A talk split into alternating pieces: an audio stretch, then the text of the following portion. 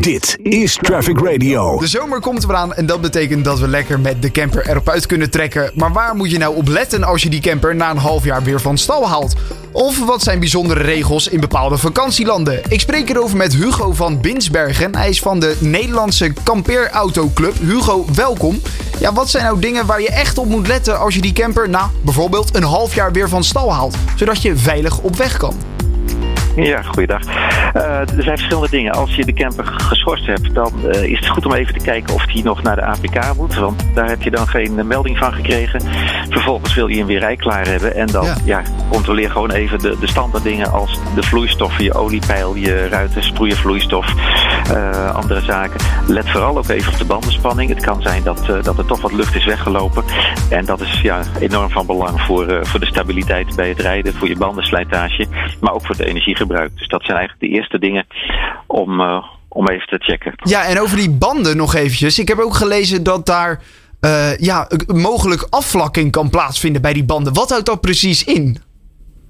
Ja, het wil eens gebeuren. Een camper is een zwaar voertuig. En als die een half jaar is stilgestaan, of in coronatijd zelfs wel eens veel langer, dan kan je een beetje uh, dat die banden wat ingedrukt zijn omdat ze zo lang stilgestaan hebben. Vergelijk het met de vierkante wielen waar de NS het wel eens over heeft. En als je dan rijdt, dan hoor je ook echt even uh, tak, tak, tak, dat, dat schokken van die banden. Ja. Gelukkig trekt dat meestal wel weer bij. En om dat te voorkomen adviseren we meestal ook om voordat je naar de stalling gaat, je bandenspanning nog wat te verhogen. Voor zover dat uh, mag voor, voor de banden. En dan staan ze wat, wat meer op druk en dan blijven ze wat ronder. Het is verder niet ernstig, het, het verdwijnt wel weer. Maar het, ja, het geeft wel een raar rijgevoel. Even oncomfortabel aan het begin van de vakantie. Precies. Ja, oké. Okay. Een beetje het kasseiengevoel. Ja, ja. En dan het gewicht inderdaad, waar je het over wilde hebben. Het, het inladen van je, van je camper. Waar moet je nou op letten? Ja, een camper is natuurlijk een zwaar voertuig. Sowieso moet je daar ook al extra voorzichtig mee rijden. Maar het blijkt ook dat toch veel campers te zwaar zijn. We proberen daar ook de mensen bewuster van te maken. Maar ook hoe die beladen is, maakt uit. Dus ga je hem inpakken, let dan op dat je zware dingen zoveel mogelijk laag in de camper hebt.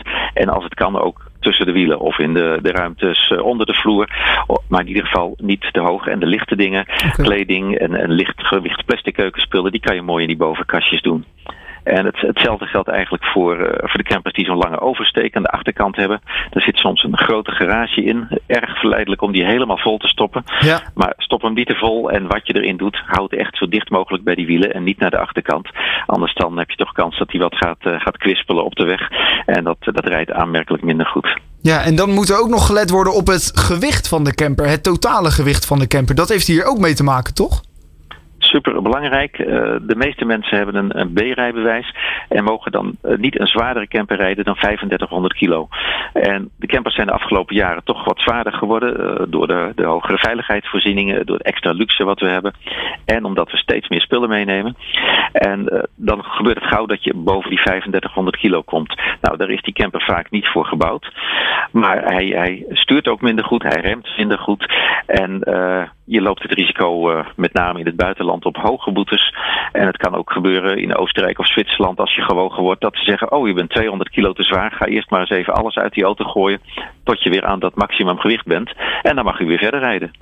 Nadat je afgerekend hebt. En ja, dat wil je niet meemaken. En je wil ook niet uh, familieleden moeten achterlaten om het gewicht te halen. Dus uh, dat is toch wel iets om om goed bij stil te staan. En daarom ja. adviseren we ook, kijk echt goed, wat moet je echt meenemen of wat kan je missen. En bij twijfel, laat hem wegen bij een, uh, een, uh, een weegstation. Ja, precies. Die, die kunnen we vinden. Jullie, jullie uh, zijn daar zelf ook mee bezig, toch? Met die weegstations. jullie hebben daar een speciale actie?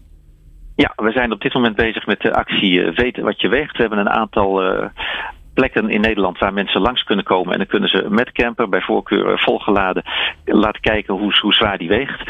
En uh, ja, daar blijkt uit dat gewoon nog veel campers te zwaar zijn. En in ieder geval, uh, mensen mogen langskomen 12 juni in Haren, 3 juli in Groenlo en 10 juli in Roosendaal. Op onze website kunnen ze de details lezen, nkc.nl. Nou, daar kunnen we dan nog even alles vinden over het gewicht inderdaad van de camper. En dan, we het al even over het buitenland, dat sommige landen daar dus vrij streng over kunnen zijn. En dat ze zeggen, joh, laat er maar 200 kilo uit en dan mag je weer verder. Zijn er nog andere regels in, in vakantielanden die, uh, die je even goed in je oren moet knopen? Uh, in sommige landen speelt als je de fiets achterop doet, dan moet je daar zo'n zo'n mooi waarschuwingsbord voor doen met rode strepen. we kennen ze allemaal ook wel van de weg. Maar er zijn er twee landen die hebben daar wat eigen ideeën over. Italië en Portugal, die hebben een eigen versie van dat bord. En heb je een standaard Europees bord, dan mag je die niet gebruiken. En dan moet je voor die landen specifiek hun versie hebben. En die versie van hun mag dan wel weer in de andere Europese landen. Dus ga je naar die landen en heb je fietsdrager achterop, zorg dan even dat je zo'n zo'n rood-wit gestreept uh, waarschuwingsbord hebt dat precies voor die landen geschikt is. En, verder zitten er nog wat, eh, ja, ten opzichte van de vorige jaren, wat dingen aan te komen. In uh, Spanje mag je tegenwoordig in de bebouwde kom nog maar 30, soms ook 20 of 10 of 50. Dat is wat veranderd, dus wees daarop bedacht. Ook hoge boetes als je daar niet aan houdt.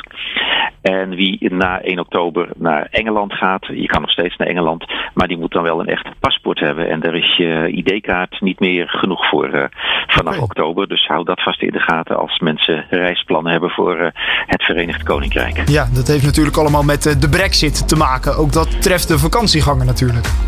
Absoluut. Ja. Maar je kan nog steeds naar Engeland. Je moet wel iets meer ook oppassen wat betreft het meenemen van levensmiddelen. Vooral terug naar Europa.